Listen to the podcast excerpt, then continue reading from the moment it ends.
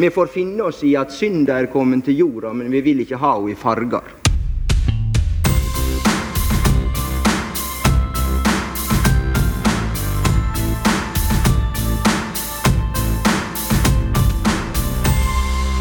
Hei, velkommen til Einar Førdes fargefjernsyn. Vi er et eh, politisk og populærkulturelt skravlekollektiv for folk trygt plassert på venstresiden. Det vet du nok etter nå etter hvert.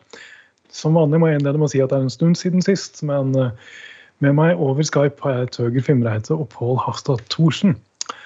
Og venner, eh, siden sist vi snakket sammen, som er rundt en måned siden, så, har, så var det i flere uker slik at eh, den norske samfunnsdebatten var satt litt i stå av det vanlige, selvsagt. eh, Omikron og, og strømpriser, men også spekulasjonen om hvem som skulle bli ny sentralbanksjef i Norge. Som ikke normalt sett er noe som får liksom, det politiske Norge til å stoppe opp i månedsvis. Men eh, grunnen til det selvfølgelig var at eh, en veldig kjent eh, sosialdemokrat, tidligere statsminister Jens Stoltenberg, var blant eh, søkerne på eh, denne stillingen. Eh, mye jobb ble gjort i forkant for å forsøke å til å fremstå som at det var, som at det var helt uproblematisk, og at han ikke ville være inhabil, eh, fikk, man, fikk man høre. Eh, han var i konkurranse med en annen eh, kandidat som hadde en mer sånn, skal vi si, umiddelbart relevant eh, erfaring. Men Jens Stoltenberg har blitt sentralbanksjef. Og eh, jeg personlig ble ikke veldig overrasket over det. Eh, Jeg vil ikke si jeg er sånn spesielt glad for det, men, eh, men til slutt eh, måtte det egentlig bli, bli slik. Heppet frem av en rekke kommentatorer i, i rikspressen.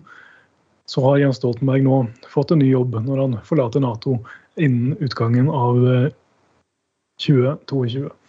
Og Pål Thorsen, hva syns du om utnevnelsen av vår tidligere statsminister som ny sentralbanksjef? Nei, altså For å si det første, at eh, jeg tenker at Jens Stoltenberg er kvalifisert eh, til jobben og helt sikkert eh, kommer til å gjøre en, en grei jobb. Um, men jeg mener det er helt feil at han har blitt utnevnt til, til den stillingen. Um, og det bunner rett og slett i at jeg mener at det er sunt for samfunnet vårt at vi har en maktspredning. Og at ikke enkeltpersoner har gjennom sin levetid altfor stor makt og altfor stor påvirkning. ja. Og det er klart Jens Stoltenberg har vært partileder i Arbeiderpartiet en årrekke. Han har vært minister og statsråd for forskjellige departement, han har vært statsminister, han har vært eh, nå sjef for Nato og skal også bli sentralbanksjef. Um, og jeg tenker at da, da har du i løpet av uh, din levetid hatt ganske mye makt uh, i dine hender. Og jeg, et, min vurdering er nok at det ikke er så bra, da, rett og slett. Det kunne vært sunt at man tenkte maktspredning, og at noen andre også fikk utøve såpass mye makt. Ja, Det er min, min sånn første innskytelse. Uh, Torgeir Finnvete, du uh, skrev på Twitter for en stund siden, eller uh, for når dette skjedde, at du uh, etter sånn et døgns tid skiftet standpunkt og nå mener at det er det eneste riktige at Jens Stoltenberg Nå skal jeg ikke legge ord i, munnen på deg, men at du nå mener det er helt korrekt at Jens Stoltenberg burde bli sentralbanksjef. Det må du forklare. Ja. Nei, jeg, jeg, jeg kan begynne fra, fra begynnelsen. Altså, jeg, men, mener at jeg mente i utgangspunktet at det var Bakke. Det er Bakke som var, var, det beste alternativet. Hun har jo tross alt en doktorgrad, noe som Jensen Stoltenberg ikke kan så mye som jeg. Hun har realkompetanse, hun sitter i feltet, hun sitter i feltet i dag. Hun, altså, hun har en helt uvurderlig kompetanse på det hun skal jobbe med. Så jeg tenkte, Og pluss at hun er kvinne, hadde vært toppkandidat. Og så kom nyheten om at Jens Stoltenberg nå var blitt innstilt eh, som, som, sentralbanksjef, og så brøt helvete løst. Eh, media kasta seg på, det var drittslenging, det var, var politisk drittslenging. Altså det, det ble, saken ble så ekstremt politisert. Folk gikk på talerstolen i, på Stortinget og begynte å, å, å, å på en måte altså, det, begynte å mene veldig sterkt om dette her fra politisk hold. Eh, og når jeg ser det, så tenker jeg ok, eh, den som skal bekle den stillingen, den skal jammen ha ryggrad til å kunne stå imot veldig mye skitkasting både fra media, men òg fra politisk ledelse. At her, her er det, skal en ha, ha stål i, i, armer og bein og, og ryggen for å, å, klare å stå, stå imot. Og nå, det vi vet, det jeg vet med sin størst mulig sikkerhet, det er at Jens Stoltenberg har akkurat det. Han, han, er, han, han er, kan stå imot alle de her eh, politiske påvirkningene og all utskjellingen i media og kjefting fra talerstolen fra, fra politisk hold. Eh, det kan hende at Bakke hadde klart det òg, men det vi vet, det er at Jens han, han tåler det. Eh, han står i det, og, og, og han vil òg klare, å pga. erfaringene han har, så vil han klare å holde hodet sitt iskaldt Forhåpentligvis. Når du har klart å styre Nato, vært, eh, eh, så, så, skal du jammen kunne klare dette her. Så, så derfor så, tenkte jeg ok, jo, da var det riktig valg. Eh, men så er jo det et slags paradoks i seg sjøl. For hvis det hadde vært Bakke som hadde fått stillingen, så hadde det nok ikke blitt så mye skyting fra spesielt politisk hold. Så, så, så, det er jo en sånn slags paradoks i seg sjøl. Jeg er fullt klar over det. Men, men hvis vi kommer i den, den situasjonen der en renteoppgang blir politisert, hvis sentralbanken er nødt til å sette opp renta eh, veldig mye for å, å, å, motvirke type inflasjon, eller ta noen veldig upopulære grep, så må det være en person som står der, som vi vet har ryggen til å, å bære det. Og det vet vi. Det har Jens Stoltenberg. Så det var det som gjorde til at jeg flippa. Ja, Bra du sa det der at du la til at du forstår ideen om at, uh, at denne sannsynlige situasjonen neppe ville oppstått dersom Jens Stoltenberg ikke uh, hadde vært den som ble, uh, ble, som ble utnevnt. jeg mener jo at som dere at Jens Stoltenberg kommer til å bli en kompetent sentralbanksjef. og han har mye relevant erfaring. Ikke den med mest relevant erfaring, men, eh, men han har eh, gode lederegenskaper eh, etc. Men jeg tror jo at det er mulig at man kan, kan komme litt over i den andre grøfta. At Jens Stoltenberg for å vise sin uavhengighet til den regjeringen som sitter, f.eks., vil kanskje sånn performativt kunne ta grep som for å vise hvor uavhengig han er. Det Eh, kan hende det er riktig i, i, gitte tilfeller, men det er jo et problem også som den andre kandidaten, Ida Woldenbakke, er det det heter, eh, ikke, ikke, ville trenge å gjøre. Og så er det jo selvfølgelig dette elementet da, med at eh, nesten alle som sitter i denne regjeringen, har tidligere for første gang blitt utnevnt som statsråder av Jens Stoltenberg, som er jeg syns er svært uheldig. Og det som jeg syns er mest slitsomt med denne prosessen, er at det er et uh, unødvendig sjølmål. Uh, denne regjeringa har sittet i litt over 100 uh, eh, dager. Fått masse kjeft, vært i store problemer og har synkende meningsmålinger. Da hadde jeg håpet at det man da la kreftene inn på, var å løse de problemene som lar seg løse, uten å skape nye, som er et, noe jeg tenker at, man, tenker at man gjør her. Så må jeg si at jeg er ikke sikker på om dette er et problem som blir stående eller hengende over denne regjeringa gjennom hele perioden, men helt i starten, når det allerede har kommet såpass skjevt ut, syns jeg det er unødvendig. Replikk Tøgen. Ja, jeg vil gjerne tilføye det at ja, det er, det er katastrofe for Arbeiderpartiet at han har blitt sentralbanksjef. Jeg tror vi kommer til å, å, å, å altså Det er rett og slett en eh, Det spiller ingen rolle hva vi altså, Der har vi fått bekreftet bekrefter konspirasjonene om, om, Arbeiderpartiet, selv om det ikke er sant. At her er det samrør, og her er det ene og det andre. Makta rår Arbeiderpartiet. Sånn. Det, det fyrer opp høyre, høyresida, eh, og dette kommer til å bli brukt mot oss eh, og mot Arbeiderpartiet i, i framtida. Så, så, så hvis, vi tenker ut fra vårt Arbeiderpartiets ståsted, så tenker jeg at det, dette her er så Ja det, det, det, ser ikke veldig bra ut, og det kommer til å bli, bli brukt mot Arbeiderpartiet framover. Så, så sånn, sånn, er det med den saken, tror jeg.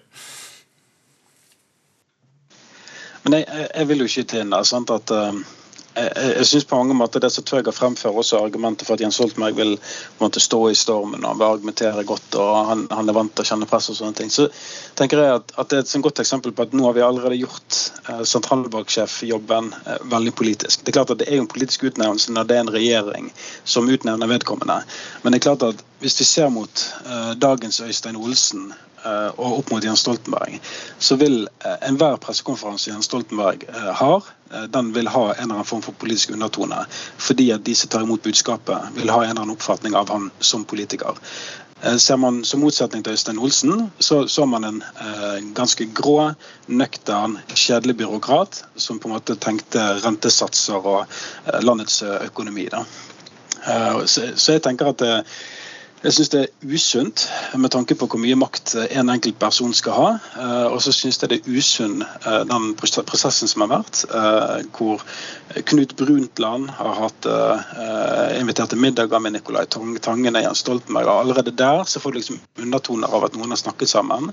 Du har en hel haug med statsråder som er, har erklært seg habil, selv om de alle har en eller annen relasjon til Jens Stoltenberg fordi at han i sin tid har satt inn som statssekretær og politisk rådgiver eller statsråd en eller annen gang tidligere. Og du har en statsminister som selv også var veldig tydelig på at han meldte seg inn i bildet. Det, det, det vil jeg si, jeg syns Støre har vært ryddig hele tiden. Han har prøvd å være ryddig i en veldig krevende sak. Um, og så har du på en måte alle disse kommentatorene uh, for store og små aviser som på en måte nesten før Jens Stoltenbergs kandidatur i det hele tatt var kjent, så begynte de å skrive om at han burde bli sentralbanksjef. Det er klart noen har snakket sammen her. Det er klart at noen har på en måte lagt uh, noen frø rundt omkring og, og, og sådd disse for, for, at det skulle bli, uh, bli en greie. da. Og Det syns jeg er jævlig problematisk. Og jeg syns det er ufattelig problematisk at det er så mange Arbeiderparti-folk som på en måte i sosiale medier hyller det at Jens Stoltenberg blir sentralbanksjef.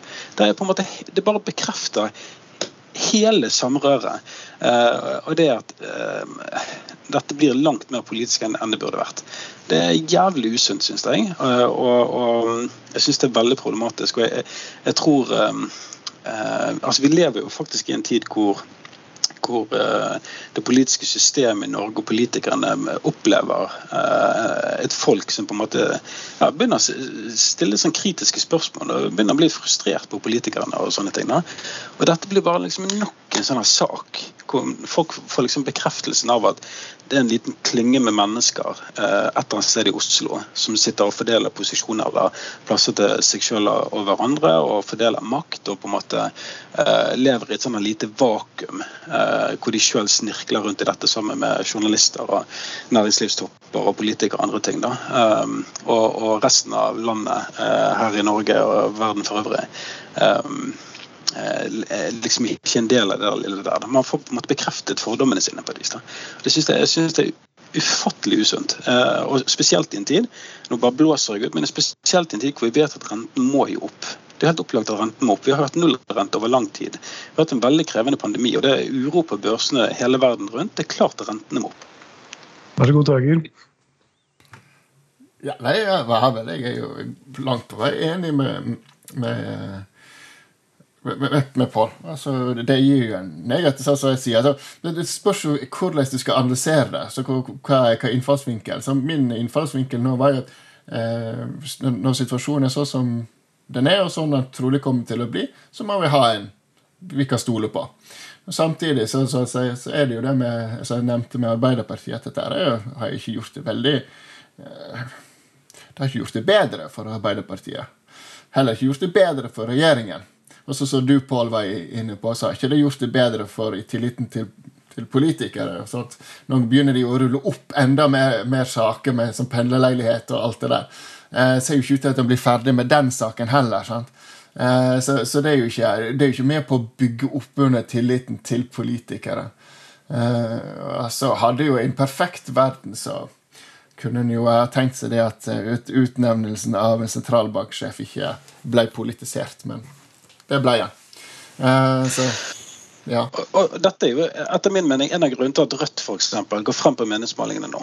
Uh, det er jo fordi at eh, Rødt eh, er systemkritiske. Altså De systemkritiske det som skjer rundt strømregningen. De sier at det funker ikke verken på kort sikt eller lang sikt. Planene er ikke gode nok. Så er de kritiske til det. Sant? Stortingslønningene. Nå skal den over en million igjen. og så at Masud har møtt forslag om at man på en måte skulle fryse det til det, noe mer ble, ble um, ble besuttet, og, og jeg så at Arbeiderpartiet stemte for det, og Senterpartiet, Høyre og Frp stemte mot sånne ting, så det blir sikkert Høyre og stortingslønninger også. Men da er på Rødt veldig tydelig systemkritiske. Sentralbanksjefstillingen systemkritiske. Det er jo Arbeiderpartiet skal være i den rollen der. Og så er det på en måte SV og Rødt og andre partier som kommer inn fra venstre og er systemkritiske mot Arbeiderpartiet. Faen, altså. Eh, vi har ikke gjort det enkelt for oss sjøl. Dette er en utrolig dårlig start på regjeringsperioden. Og så får vi bare håpe at det er litt sånn ruskemaskineriet før ting eh, kanskje kommer i gang. da. Men, men vi ser jo sant, Rødt er over 10% på flere meningsmålinger nå i det siste. Det, det er, jeg mener jo det er ganske dramatisk. Jeg vet ikke hva du tenker, Stonole? Det er klart det er, det er, klart det er dramatisk. Um, samtidig er det ganske lett å forstå også. Uh, og en del av det er av den, uh, mye av det ligger inn i den analysen utblåsningen du nettopp kom med, Pål. Uh, at uh, um, det er deres jobb å være systemkritiske, og skal man være systemkritiske, må man være det mot den til enhver tid sittende regjeringen. Uh, og det er klart, det er ikke nytt for Rødt å liksom rette sin systemkritikk mot Arbeiderpartiet. Det har vært eh, deres, eh, det de har levd av i sin ganske korte tid som, som, i den partikonstellasjonen de er Eh, de er noe jeg syns de er kjempedyktige, må jeg si. Eh, jeg syns de eh, klarer å innta riktige standpunkter, iblant litt unyanserte selvfølgelig, men det, er, det, har de lov til.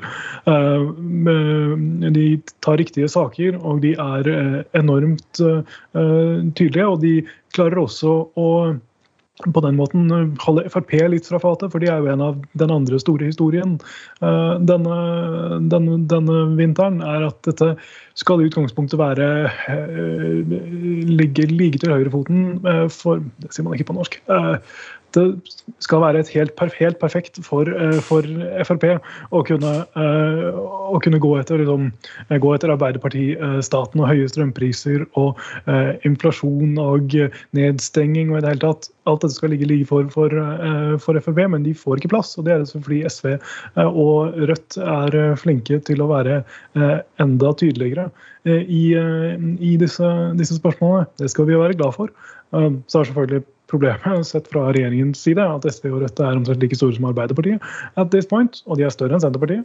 Eh, og da er regjeringen allerede i ganske alvorlige, uh, alvorlige problemer. Men uh, noe av det er det vanskelig å, Noe av skylden er det vanskelig å plassere hos regjeringen, men en del av det handler også om at man har grepet av anfatt. Man har kommet rett og slett dårlig fra start. Og det har SV, og spesielt Rødt, vært veldig flinke til å utnytte. Og det skal de ha skal de ha skryt for. Samme hvor sånn, eh, slitsomt og demobiliserende det er å eh, se dem eh, øke mens Arbeiderpartiet f.eks. Eh, gjør det så dårlig som man, som man gjør nå.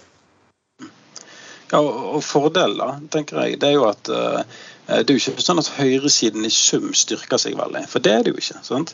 Det er fremdeles venstresiden som styrker seg. Og, og Frp ligger jo og vaker rundt 9-10-11 eh, så det er jo på en måte vakkert. Det betyr jo at, eh, at sannsynligvis Rødt opererer litt i det populistiske farvannet som Frp helt fint egentlig burde ha klart å bade i, men som uh, Sylvi Listhaug er eh, helt ubrukelig politiker til å klare å navigere i. Uh, så, så, Sånn sett så er det jo greit. Og, og Høyre gjør det greit nok på, på målingene også, ligger rundt en 25 og, og Arbeiderpartiet holder jo på mange måter også til vi skal faktisk stand sant? altså de, i forhold til de meningsmålingene før selve valgdagene. Uh, så i sum så det, ser det jo på en måte greit ut for, for venstresiden. Men det er klart at, at det at Rødt uh, er de tidvis, tidvis det tredje største partiet de har vært på noen målinger. Det er jo helt, altså det er jo egentlig en sjokkbølge inn i norsk politikk. Uh, og En av grunnene til at de er kommet til den situasjonen, er jo dyktige politikere som Sofie Marhaug. Som er, er, på hver eneste sak. og Nesten fra dag én hun var på Stortinget nå, så, så fikk hun en rolle hvor hun fikk lov å operere uh, og fikk lov å mene noe på vegne av partiet sitt.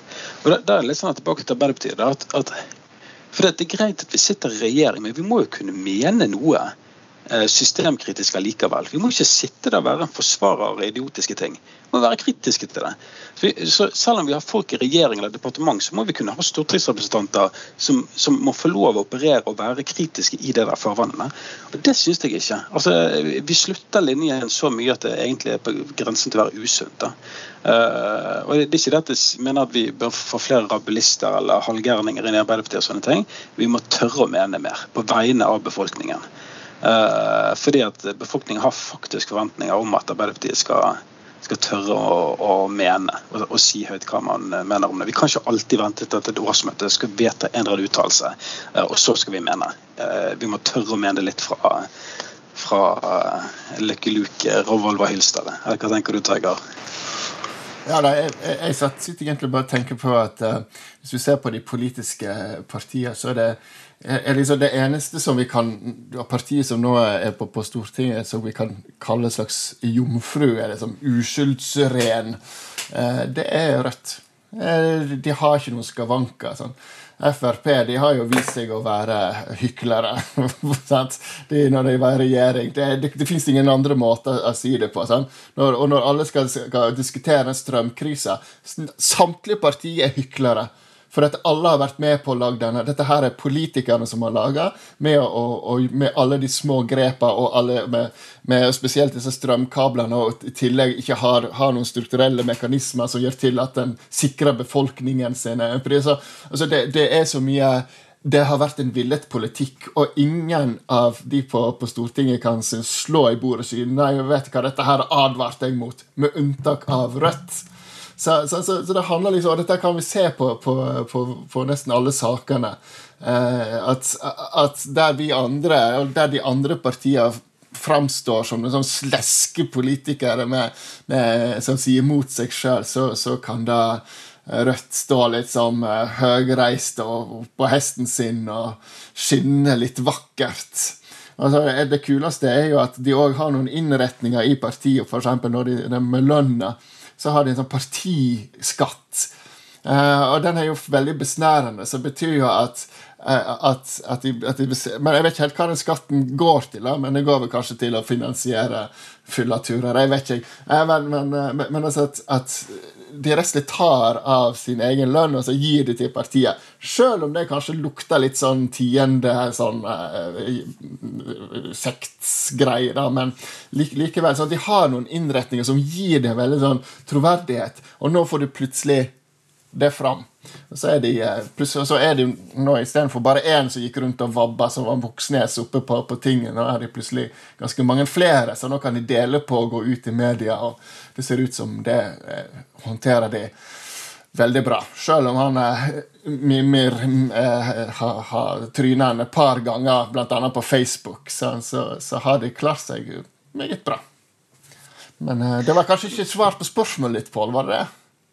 Jo, det var egentlig helt, helt greit. Jeg var ute etter noen refleksjoner. Men, men eh, hva tenker du, Sten For det, altså, eh, vi to vi har jo vært AUF-ere. Vi husker jo Mimir Kristiansson som AUF-er. Absolutt. Uh, dette vet jo Mimir sjøl også, selvfølgelig. Han snakker villig om det hvis han, hvis han, blir spurt. Så blir han ikke det lenger. Men når, vi, når jeg var en veldig mye yngre mann, og Pål også var ung, Pål har nettopp fylt 42, tror jeg. Gratulerer med, med dagen, Pål. Um, så, så, var jo var Mimir uh, ung lyst på AUFs uh, talerstol. Hvis jeg ikke husker helt feil, så var han også uh, som hoved, uh, hovedmannen i en, uh, i en, større sak i Dagbladet på Utøya i kan, kan ha vært i 2002 eller 2003 eller noe slikt. Noe. Uh, hvor han ble kalt for liksom sånn Gerhardsens arvtaker. Uh, og har skrevet bok om Gerhardsen uh, etterpå. Og har jo vært helt sentral sammen med noen andre i, i Rødt i å skrive seg sjøl inn i historien om de gamle Arbeiderparti-koryfeene. om Tranmæl, om Gerhardsen. og lime sitt partis politiske prosjekt til eh, Arbeiderpartiet i mellomkrigstiden omtrent. Det kan høres ut som dere mener dette på en sånn stygg og nedlatende eh, måte, men jeg vil aldri si noe stygt eller nedlatende om Gerhardsen og eh, Arbeiderpartiet i, eh, i, mellomkrigstiden. Men det er jo eh, det er for å få en plass å legitimere sin egen bevegelse og eh, å vise fram at, at standpunktene deres ikke er så utrerte som liksom, la oss si, VGs kommentaravdeling eh, til enhver tid mener at eh, ønsker å fremstille dem som. Der har Mimir vært dyktig, og så er han jo eh, glad i mediene, får vi si. Han sier ikke nei. Og det gjelder jo også flere av dem, så de, altså de stiller opp på alt de blir spurt om. Og etter hvert som de blir større, så får de også, også mer oppmerksomhet, som de foreløpig forvalter ganske, ganske klokt. Men nå føler jeg at jeg til og med blir litt for positiv til uh, hva de holder på med. For det er også uh, verdt å uh, gripe fatt i det som Tauger snakker om, at de jo er et parti som står fullstendig utenfor innflytelse. Det er litt selvfølgelig fordi ingen har interesse av å gi dem innflytelse, men de trengs heller ikke. Det er SV som er regjeringens foretrukne samarbeidspartner i Stortinget. Og de har en kort parlamentarisk karriere, så de står helt fritt til å mene nøyaktig hva de, hva de sjøl vil. Og det kan gjøre deg irrelevant. De har vært heldige, de er ikke irrelevante. Eh, men de er også helt fristilte, så de kan gjøre nøyaktig som de vil, og det er en privilegert posisjon. Så må jeg nevne at eh, Tøger eh, blant partiene på Stortinget glemte lille MDG, som også har en kort parlamentarisk karriere, og som fortsatt sitter på Stortinget, selv om de ikke kom over sperregrensa. De har jo også noenlunde rene hender i disse situasjonene, fordi de har en så kort uh, periode. Og de har litt udde standpunkter, i den forstand at uh, de har vært mot en del som den politiske konsensusen er for, men de står inne for det. Uh, så, så, de har sånn sett også hender som ikke er blitt så skitne ennå, men de har det problemet at de er så små at sjøl Tøger glemmer dem. Så, så eh, det, eh, de har også mulighet for å vokse, men de har det problemet selvfølgelig at de er bare en knøttliten gruppe, mens Rødt plutselig nå eh, er mange. Og det hjelper jo. Ja, nei, altså det, Du har helt rett. Jeg hadde glemt MDG. Og jeg hadde veldig håp om at det var MDG som skulle være det korrigerende Eh, på, på, på venstresida mot arbeiderpartipolitikk, Arbeiderparti og altså med, med Senterpartiet og Arbeiderpartiet i, i koalisjon. Så, så, så, så, nei. Eh, de har bare forsvunnet helt. Bare, altså, jeg ser de og hører de knapt. Når jeg, når jeg slår på og, og, leser aviser og slår på TV-en eller hører på podkaster. MDG det blir ikke nevnt, nesten. Det, det, det, da er du flink til å bli så utrolig eh, usynlig.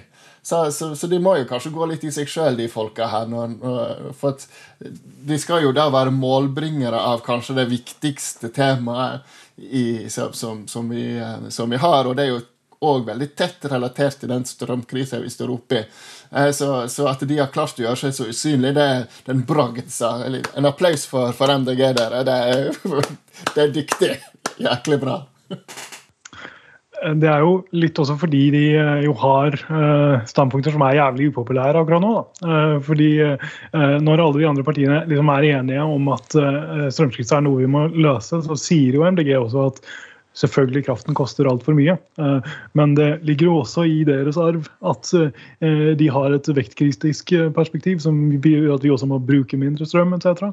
Eh, og de er varme tilhengere av disse kablene som det nå er ekstremt upopulært å være, være for, fordi de har et mer positivt, offisielt positivt syn på EU enn andre partier. Og de er mer positive til den mer tross alt effektive energiutvekslingen som ligger til grunn for disse kablene selv om den gir politiske resultater som eh, er katastrofale for norsk eh, næringsliv og, eh, og forbrukere på det nåværende tidspunkt. Så kanskje det er litt av grunnen til at de holder kjeft og håper at det skal gå over. Men jeg, jeg, syns du er altfor snill Stein Ove, med Miljøpartiet De Grønne. For det at Kommunikasjonsmessig og faglig så er dette helt krisedårlig. Dette hadde vært en perfekt tid for Miljøpartiet De Grønne å kommunisere planetens tålegrense, kommunisere bærekraft, kommunisere eh, at vi må tilnærme oss eh, dette på en annen måte. For at alt sammen tilsier at skal vi få til en eh, miljømessig endring og få, eh, få, stoppet klimaendringene, så må vi faktisk eh, endre eh, både på levemåte, livsstil, tilnærme oss dette på en helt annen måte. Eh, men det som egentlig kommer til å skje nå, det er jo sånn at, at eh, folk sitter jo faen og fryser her. Vi har skrudd ned eh, nei, temperaturen såpass mye at, at, at, folk sitter rundt og fryser. Sant? Jeg fikk en strømregning på 6000 kroner. Fikk den ned i 3000 her i, januar. Da. Og det er klart at eh, jeg har jo ikke tenkt å sitte og fryse jævlig mye lenger. Sant? Og da, Når for, veldig mange sitter og fryser sammen, så dytter du debatten i en retning hvor du hele tiden begynner å diskutere ja, hvordan skal du klare å få mer eh, strøm. Eh, altså, Jeg er for atomkraft nå. Eh, det tror jeg ikke Miljøpartiet De Grønne egentlig har lyst til at det skal være. sant? Og Jeg er garantert ikke den eneste heller. Jeg har ingen tro på at alle disse vindmøllene kommer til å skape nok eh, energi til å dekke behovet i Norge eller Europa for øvrig. Jeg har ingen tro på at bølgekraftverk kommer til å skape nok energi. Jeg, har ikke veldig tro på det grønne skiftet akkurat her hvor jeg nå sitter og fryser. Nå prøver jeg på en måte å være som en nordmann flest. Sant? Det hadde vært et perfekt terreng for Miljøpartiet De Grønne å kommunisere dette til de 10% de har potensial til eh, å nå det. Og, de klarer ikke det engang heller. Altså det, det, er dårligere enn Sylvi Listhaug. Det er helt sjokkerende. Eh, jeg ville bare si det. Jeg syns du er altfor snill med det. Eh, jeg vet ikke engang hvem som er stortingsrepresentanten deres nå. Er det Rasmus eller Una? Eller altså, hvem, hvem er det? Jeg vil tro det er Une Bastholm som sitter på Stortinget for men Jeg tror faktisk de har én eller to til. Uh, men, uh, men, igjen, jeg vet ikke hvem de er. Uh, og men rest my case. Dette, jo, dette viser jo hvor utrolig dårlig Miljøpartiet De Grønne har gjort det siden, siden valget. Jeg, jeg, tror rett og slett at, at, de trodde de trodde de skulle bli en miljøgigant etter valget nå sist, og så trynte de han så sinnssykt. Og så sitter de der fremdeles og slikker sårene sine og lurer på hva kunne dette egentlig skje. Ja, for Det er jo det som er, det er, det som er poenget her. eller altså, Det er et annet poeng, i hvert fall, og det er jo at uh, det skulle nesten være umulig for MDG å gjøre det så dårlig ved det valget som var, uh, som det de uh, gjorde pga. FN-rapporten som, uh, som, kom midt i valgkampen. Og Vi har snakket om dette før, at noen av de andre partiene må ha visst at det skulle komme, men alle ble tatt fullstendig på senga av de ekstremt lite overraskende konklusjonene, som var omtrent de samme, men litt mer alvorlige enn de har vært i årene før. MDG hadde muligheten for å skaffe seg enormt momentum og klarte å og eh, kaste det vekk eh, nok en gang. Og etter valget så virker de, de virker som de går i tåka, tåka fortsatt. Så vet du at jeg er nokså vennlig sjel som ikke snakker stygt om så veldig mange. Så det er jo ikke noen sånn større overraskelse, men du har selvfølgelig langt på vei rett i det du sier. Muligheten hadde fantes der i en liten nisje, selvfølgelig. Eh, og det er, det, eh, det er dem de må få fatt på. Eh, og, vi, og de vet hvem de er, vi vet hvem de er. De er en liten gruppe av unge, godt utdannede mennesker i, i storbyene som kan se seg lei på lei av f.eks. regjeringas evige harping på at det skal bo folk i hele landet, og at man må skape like muligheter uansett hvor man bor og hvilken lommebok man har. Og, men de griper den ikke, og da er de fullstendig vekke i, i, i, alle debatter. Og når, du er så små, når man er så små som det de er, så har de ikke råd til det. Eh, og det uh, overrasker meg. Det viser en uh, inkompetanse som er et så ungt parti verdig. Ja, for, for, Hva er nyhetssaken på TV 2 eh, i, i, dag når vi spiller inn denne podkasten? Jo, det er Enova-støtten. Eh, vi eh, alle forbrukere av strøm betaler jo inn eh, vår eh, skjerv til eh, Enova. Så skal Enova omfordeles i midler tilbake til ja, at folk skal eh, fikse seg solcellepanel eller gjøre ting for å på en måte forbruke mindre strøm. Men, men folk søker jo ikke på Enova-støtten, fordi at den er så forsvinnende liten. Altså Det er jo på en måte gigantene som eh, har masse penger fra før, som eh, søker seg etter Enova-støtten. Der kunne jo Miljøpartiet De Grønne da vært ute og sagt at vi er nødt til å endre Enova-støtten. Den må treffe vanlige folk når de skal bytte taket sitt på huset, f.eks. Sånn. Nei, nei, nei, nei. Hvem er det som gjør det? da? Jo, det er Sofie Marhaug fra Rødt. Det er hun som står i media og snakker om det, ikke Miljøpartiet De Grønne. Miljøpartiet De Grønne er på vei til å bli fullstendig totalt uinteressante. Det er helt fascinerende dårlig.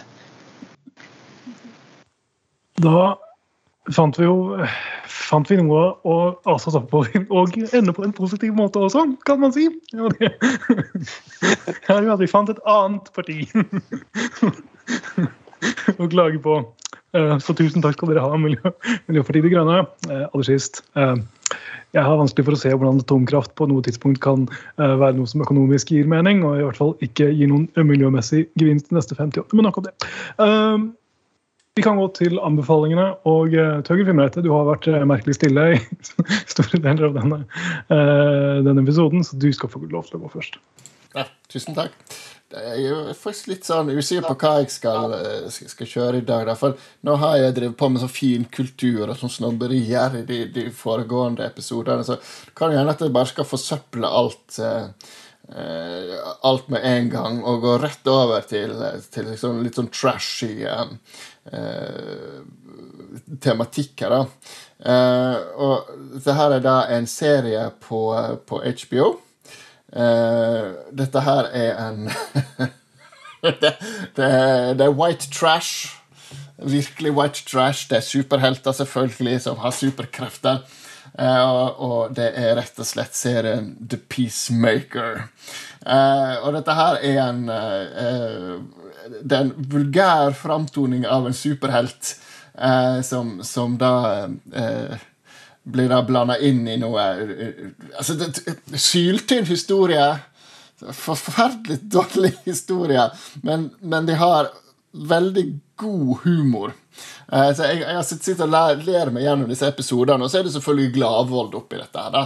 Uh, og da blir jo jeg, alltid jeg glad. Uh, Altså, nå Utover i sesongen så har det begynt å på en måte bli litt mer seriøst. Det, så, det liker jeg dårlig. Men uh, det er absolutt verdt å få med seg hvis du liker litt sånn hjernedød underholdning med, med skyteting og uh, så enkle narrativer og sånt. Men likevel, det vil jeg ha. De har en del interessante karakterer. Og de, har, og de klarer å lage litt sånn slapstick-humor, altså sånn fysisk humor. Uh, ut av ganske sprø ting, som f.eks. Å, å, å henrette eh, øglefolk og sånt. Så, så, så, så det er uh, fantastisk. The Peacemaker. Uh, det, er en uh, fordummende serie, og hvis du har, føler at du er for smart og trenger noe og virkelig blir teit på, så er The Peacemaker det er showet for deg. Enkelt og greit.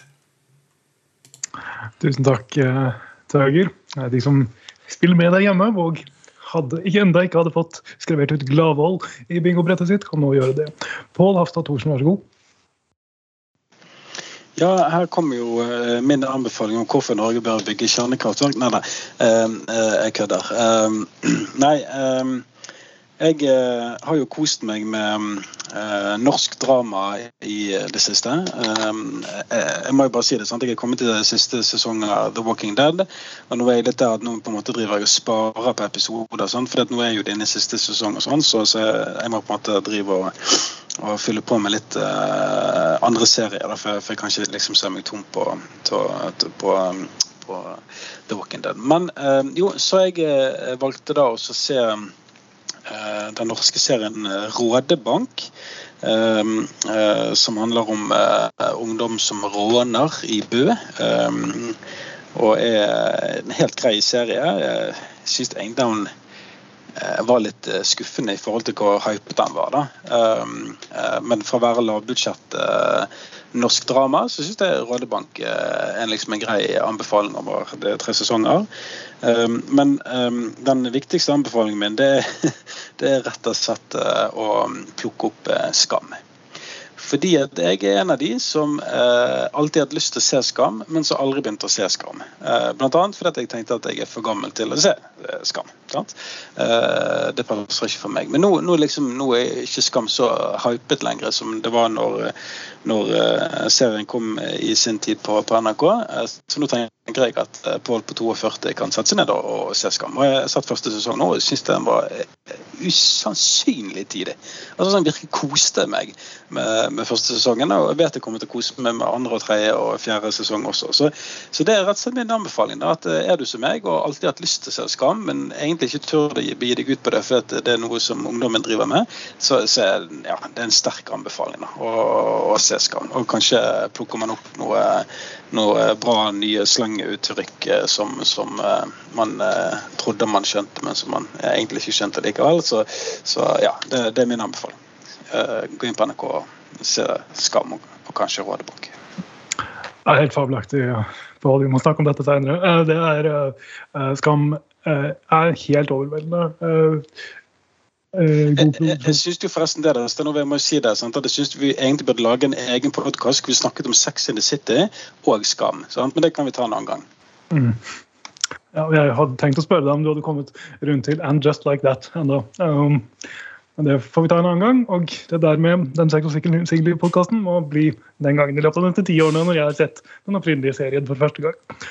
Um, dette er en anbefaling som Pål har hatt uh, hengende over hodet på meg i snart 20 år. Um, jeg skal øh, Jeg har vært på kino to ganger. For første gang i ikke-festivaløyemed på, på, på, to år. Øh, fordi jeg har bodd i Bergen sentrum i, et par, par, uker. Denne filmen heter 'Bergman Island' og er regissert av øh, franske Pia Hansen Løve, som er et veldig dansk navn. Det er fordi hun har danske foreldre. Det er en film om to forfattere som reiser til Fårö, som er det stedet der Ingmar Bergman spilte inn mange av sine mest kjente filmer. De bor av Bergmans, i Bergmans barndomshjem eller noe slikt noe, for å liksom få inspirasjon til å skrive sine, skrive sine nye, nye verker. Eh, hovedrollen er spilt av Wiki Creeps og eh, Tim Roth. Og norske Anders Danielsen Lie, som også er aktuell i den Oscar-nominerte 'Verdens verste menneske', har en, eh, har en større, større, rolle. Det er en et veldig flott relasjonsdrama, først og fremst, og viser også fram flotte, flotte Fårö. Men er også en fin sånn meditasjon og hyllest over, over, mange av Bergmans verker, hvorav flere av dem blir nevnt eksplisitt i filmen og locations og diverse. En fin liten film som jeg tror fryktelig få har sett på kino, men den går fortsatt på kino i, i Bergen. Og så var jeg også og så Drive My Car, som er den tre timer lange filmatiseringen av en Haruki Murakami-novelle som i likhet med 'Verdens verste menneske' har blitt Oscar-nominert til beste film, og også eh, til beste eh, adopterte manus ved Oscar-utdelingen i, i slutten, av, slutten, av, mars. Eh, det, er et, eh, det, er en fortelling om en eh, om en enkemann som er teaterinstruktør, som, har gjort det, som flere ganger har instruert Tsjekhov i byer rundt om i Japan. og nå to år etter at hans eh, kone dør, så har han fått uh, tilbud om å, om å, gjøre det i uh, Hiroshima, tror jeg. Og en del av hans prosess er at alle skuespillerne som, som spiller dette Tsjekhov-stykket, skal gjøre seg kjent med absolutt hele teksten, all dialogen. Eh, før, han, før hans kone døde, så spilte hun inn eh, de andre replikkene i stykker, slik at han kunne på sine lange kjøreturer kunne eh, øve på sine replikker på den måten. Men som en del av dette, en del av forsikringspolicyen til dette teaterkompaniet, så blir han utstyrt med en egen sjåfør, en yngre, yngre kvinne. og mesteparten av den sånn saktegående, mediterende eh, konflikten i denne filmen eh, handler om forholdet mellom disse to etter hvert som de blir kjent med hverandre, og hans irritasjon over om å måtte dele eh, øvingslokalet, om du vil, eh, med denne yngre damen eh, utvikler seg over lengre tid. Det er en veldig sår og flott film om, om kunst og sorg og, og, den slags. Og den, det fortjener et, fortjener et, stort publikum. Det får den jo ikke, for den er japansk og tre timer lang, men den er absolutt verdt å se. Så nå som Norge er gjenåpnet, så kan de som føler at de har mulighet til det eh, og ønsker det, eh, bør gå på kino og eh, sjekke ut to av de litt smalere titlene som finnes i utbudet. og Det er Bergman Island av Pia Hansen Løve og Drive My Car. Du har hørt på Einar Førdes fargefjernsyn med Tøger Fimreite, Pål Hafstad Thorsen og meg, Stein Ove Lien. Vi høres snart.